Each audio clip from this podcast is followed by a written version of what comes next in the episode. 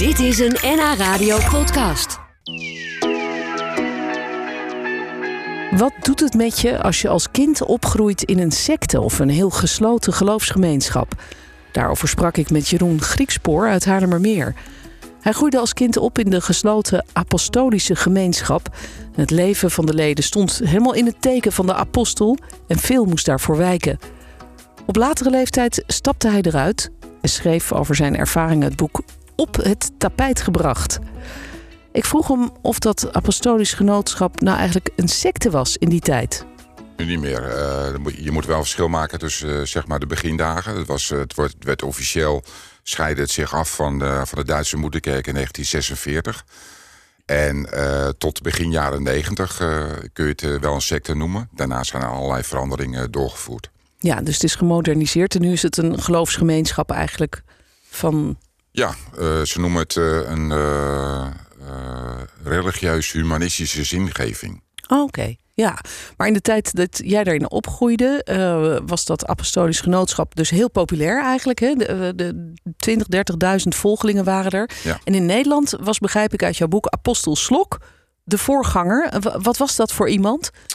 Uh, was, was dat zeg maar een beetje de paus in Nederland van het apostolisch genootschap? Moet ik het zo zien? Ja, hij was in ieder geval het opperhoofd. Laten we het zo het maar zeggen. opperhoofd, ja. ja. Uh, het was een man die uh, touwtjes stevig in handen had. Uh, wat hij vond dat moest gebeuren, dat gebeurde.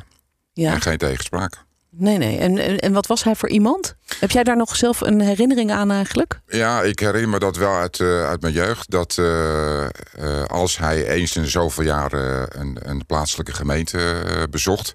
dan ja, dan was er wel reuring in de tent. Alles moest gepoetst. En uh, voor hem moest, moesten de beste dranken en spijzen worden aangerukt.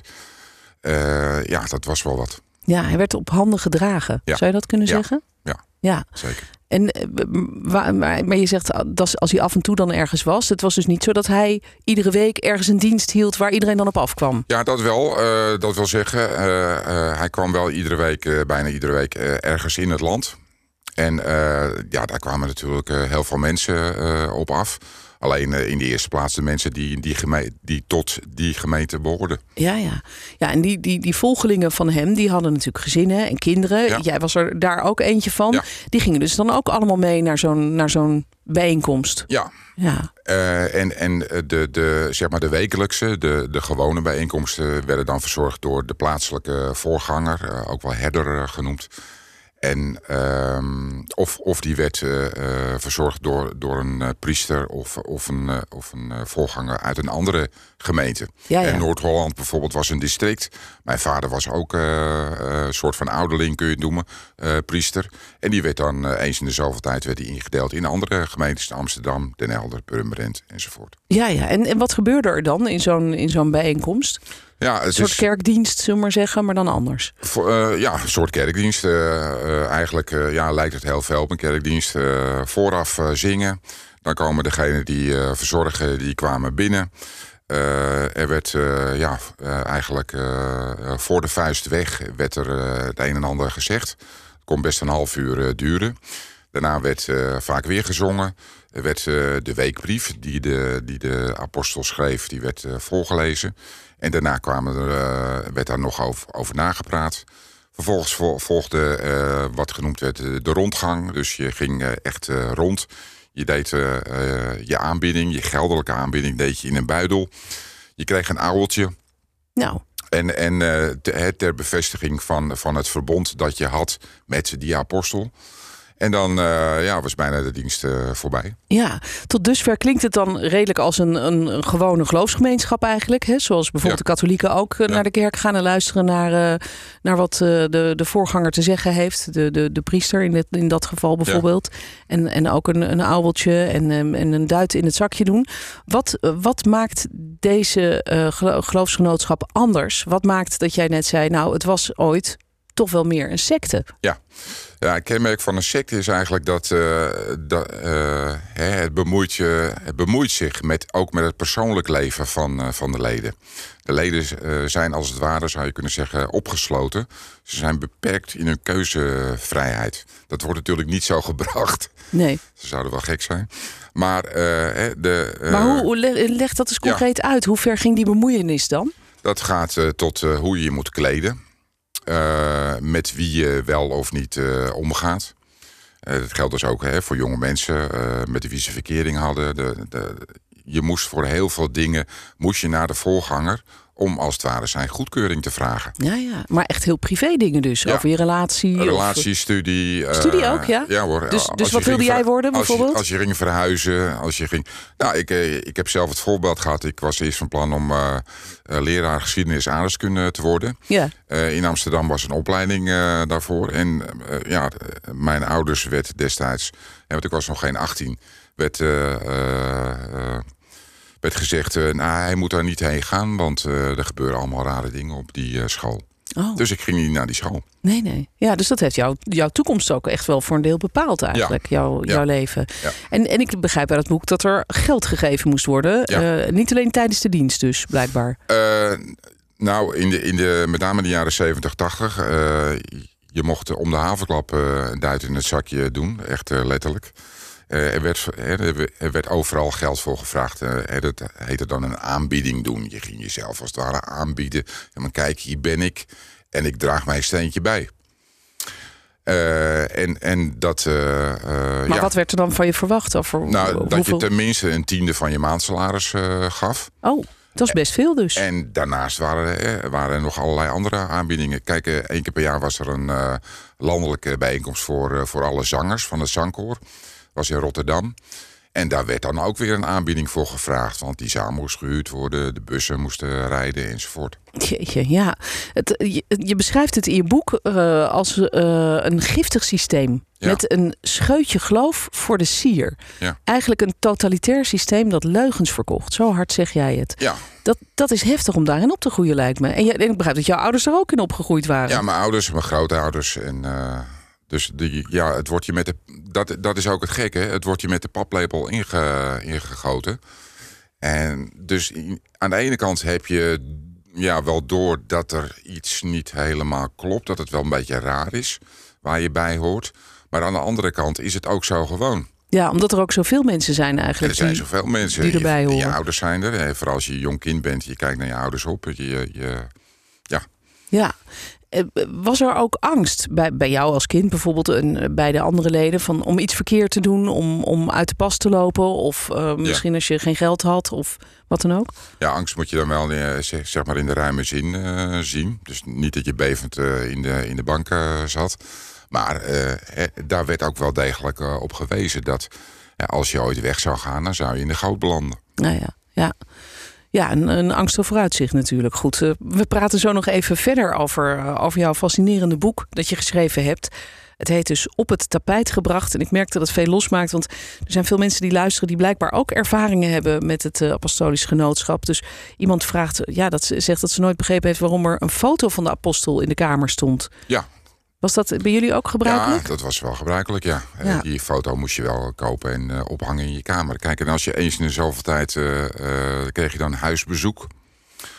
Niet om te kijken waar jij behoefte aan had, maar kijken of het wel goed ging met je apostolisch ja. zijn. Dus, dus of de apostolische kalender in de kamer hing, of die foto van de apostel in de kamer stond of hing. En je vertelde net dat dat genootschap zich overal mee bemoeide. Zelfs met je kleding, de keuze van een vriendje of vriendinnetje en welke opleiding je wilde gaan doen. Um, en, en, wat zou er dan gebeuren als je niet aan de regels hield? Dat, dat is natuurlijk de vraag. Was er Ja. dan een sanctie of, of viel je dan gewoon erbuiten? Of wat was dat?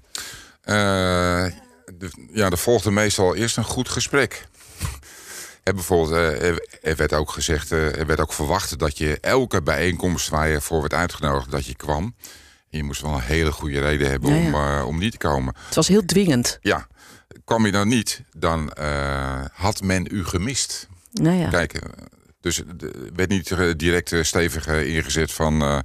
God, waar was je? Maar ja, heel, heel eufemistisch, heel, heel, heel zacht. Ja. Maar die druk werd wel opgevoerd als je gaf te kennen van... ja, we, waar bemoeien jullie je mee? Voor zover mensen dat al deden, want het waren er heel weinig. Ja. Dus die, die dwang was, uh, was wel degelijk aanwezig. Ja, jij bent daar uitgestapt toen je uh, in 2005, toen Ja. was je dus al in de 40. Dat Ja. heb ik even snel zitten berekenen. Uh, je was ook getrouwd met iemand uit het Ja. apostolisch genootschap. Uh, was dat niet ontzettend moeilijk? Nou, je moet je voorstellen dat uh, sinds de jaren negentig zijn natuurlijk een uh, aantal veranderingen geweest in het genootschap. Je kan het nu geen secte meer noemen. Ehm, dus in die zin ging het wel met zijn tijd mee, tussen aanhalingstekens. En ja, zo'n zo'n proces van eruit stappen, dat is een heel lang proces. En ja, we hadden het thuis over. En het grappige is dat mijn, mijn vrouw die zei op een gegeven moment... nou, dan stop je toch mee. dat, dat, was eigenlijk het laatste zetje dat ik nodig had. Oh, ja. En ja, zij is nog een tijdje gebleven. Maar is er op een gegeven moment ook, negen jaar later, is ze er ook uitgestapt. Ja, nu heb je dit boek geschreven. En ik begrijp dat je daarvoor, dat noemde je net al even, geïnspireerd bent eh, geweest. Ook door dat eh, boek Apostelkind van Renske Dorenspleet. Dat vorig jaar verscheen. En zij noemde dat genootschap dus een secte. Was, was dat, eh, zoals het vroeger was, was dat voor jou ook een soort van bevrijding of erkenning van ja, zie je wel? Nou, zij, noemt het in haar boek een nieuw religieuze beweging. En daar vallen dus sectes en, en cults onder. En ik, ja, ben, de, ben, dat verder gaan bekijken. En inderdaad, ik kwam uit bij, bij sectors. Uh, destijds uh, voldeed het aan alle criteria. Ja, nu niet meer, maar toen wel. En jouw boek gaat ook over toen. En uh, dat lezen we allemaal wat, wat er allemaal gebeurde. Het is wel echt een, een boekje open doen eigenlijk, ja. van binnenuit. En ik kan me voorstellen dat, dat zij daar bij het Apostolisch Genootschap daar niet zo blij mee zijn. Heb je reacties gekregen? Uh, ik heb op mijn boek nog geen reacties gekregen. Dat wil zeggen, ik heb wel via via heb ik uh, een van de, van de apostelen, die was wel benieuwd toen hij hoorde dat dit boek verscheen. Ehm, ja, of er iets, iets belastend over hem in zou staan. Ehm, en voor de rest heb ik geen reacties gekregen. Renske Doornspleet, die heeft juist wel reacties gekregen van het APGEN. Ja. Dus binnen het APGEN werd een heel team samengesteld om die om die publiciteit te lijf te gaan. Ja. Ja, dat is in jouw geval dus niet, want ze zijn er misschien nu een beetje aan gewend. En ze zijn natuurlijk ook veranderd door de, in de loop van de jaren. Dus ze beschouwt misschien als nou ja, een kritisch historische blik op wat ze vroeger waren, zoiets. Stel ik me dan zo voor. Weet ik niet, ja. Nou ja, kijk, het is, het, is ook lastig hè, om, om je echt te confronteren met je verleden. Ja. Dat schrijf ik ook in mijn boek. ja, het is een soort familiegeheim. Ja, precies, ja. Ja, eh, daar, daar hebben we het liever niet over. Hè? Opa die ooit fout was, laten we het daar niet meer over hebben. We gaan gewoon verder. Ja, keep it in the family. Ja. ja en toch wilde jij dit boek schrijven. Waarom? Omdat uh, ik merkte, toen ik me aansloot bij, uh, bij de Facebookgroepen... die mede werden opgericht naar aanleiding van het boek van Renske... dat heel veel meer mensen dan ik dacht... hebben er tot op de dag van vandaag nog last van. Zij het in mindere of meerdere mate, maar... In welk opzicht? Uh, geestelijke problemen. Ze, uh, ze, vragen zich af, ja, in hoeverre is dit nou mijn eigen mening... of is dat, is dat mij destijds inge, ingeprent? Wie ben ik eigenlijk? Ja, wie ben ik eigenlijk? Ja. Heb, heb, jij dat ook gehad? Heb jij ook schade eigenlijk opgelopen door die jeugd? Ja, kun je wel zeggen, ja. Kijk, alleen al het feit dat mijn vader was dag en nacht... Uh, die had zijn baan, maar die was voor de rest dag en nacht bezig... voor het apostolische genootschap ik heb nooit een goede band met mijn vader kunnen opbouwen. En dat, dat is wel een van de gevolgen. Ja. We lezen daar alles over in jouw uh, mooie boek Op het tapijt gebracht. Misstanden in een gesloten geloofsgemeenschap. Dat is de titel. Geschreven door Jeroen Griekspoor. Fijn dat je hier was om daarover te vertellen. En uh, misschien goed om nog even te zeggen voor de mensen die luisteren. Want er, er komen heel veel reacties op binnen.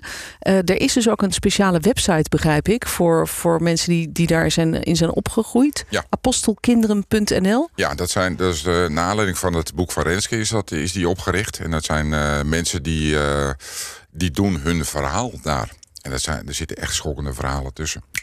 Dit was een NH Radio podcast. Voor meer, ga naar nhradio.nl NH Radio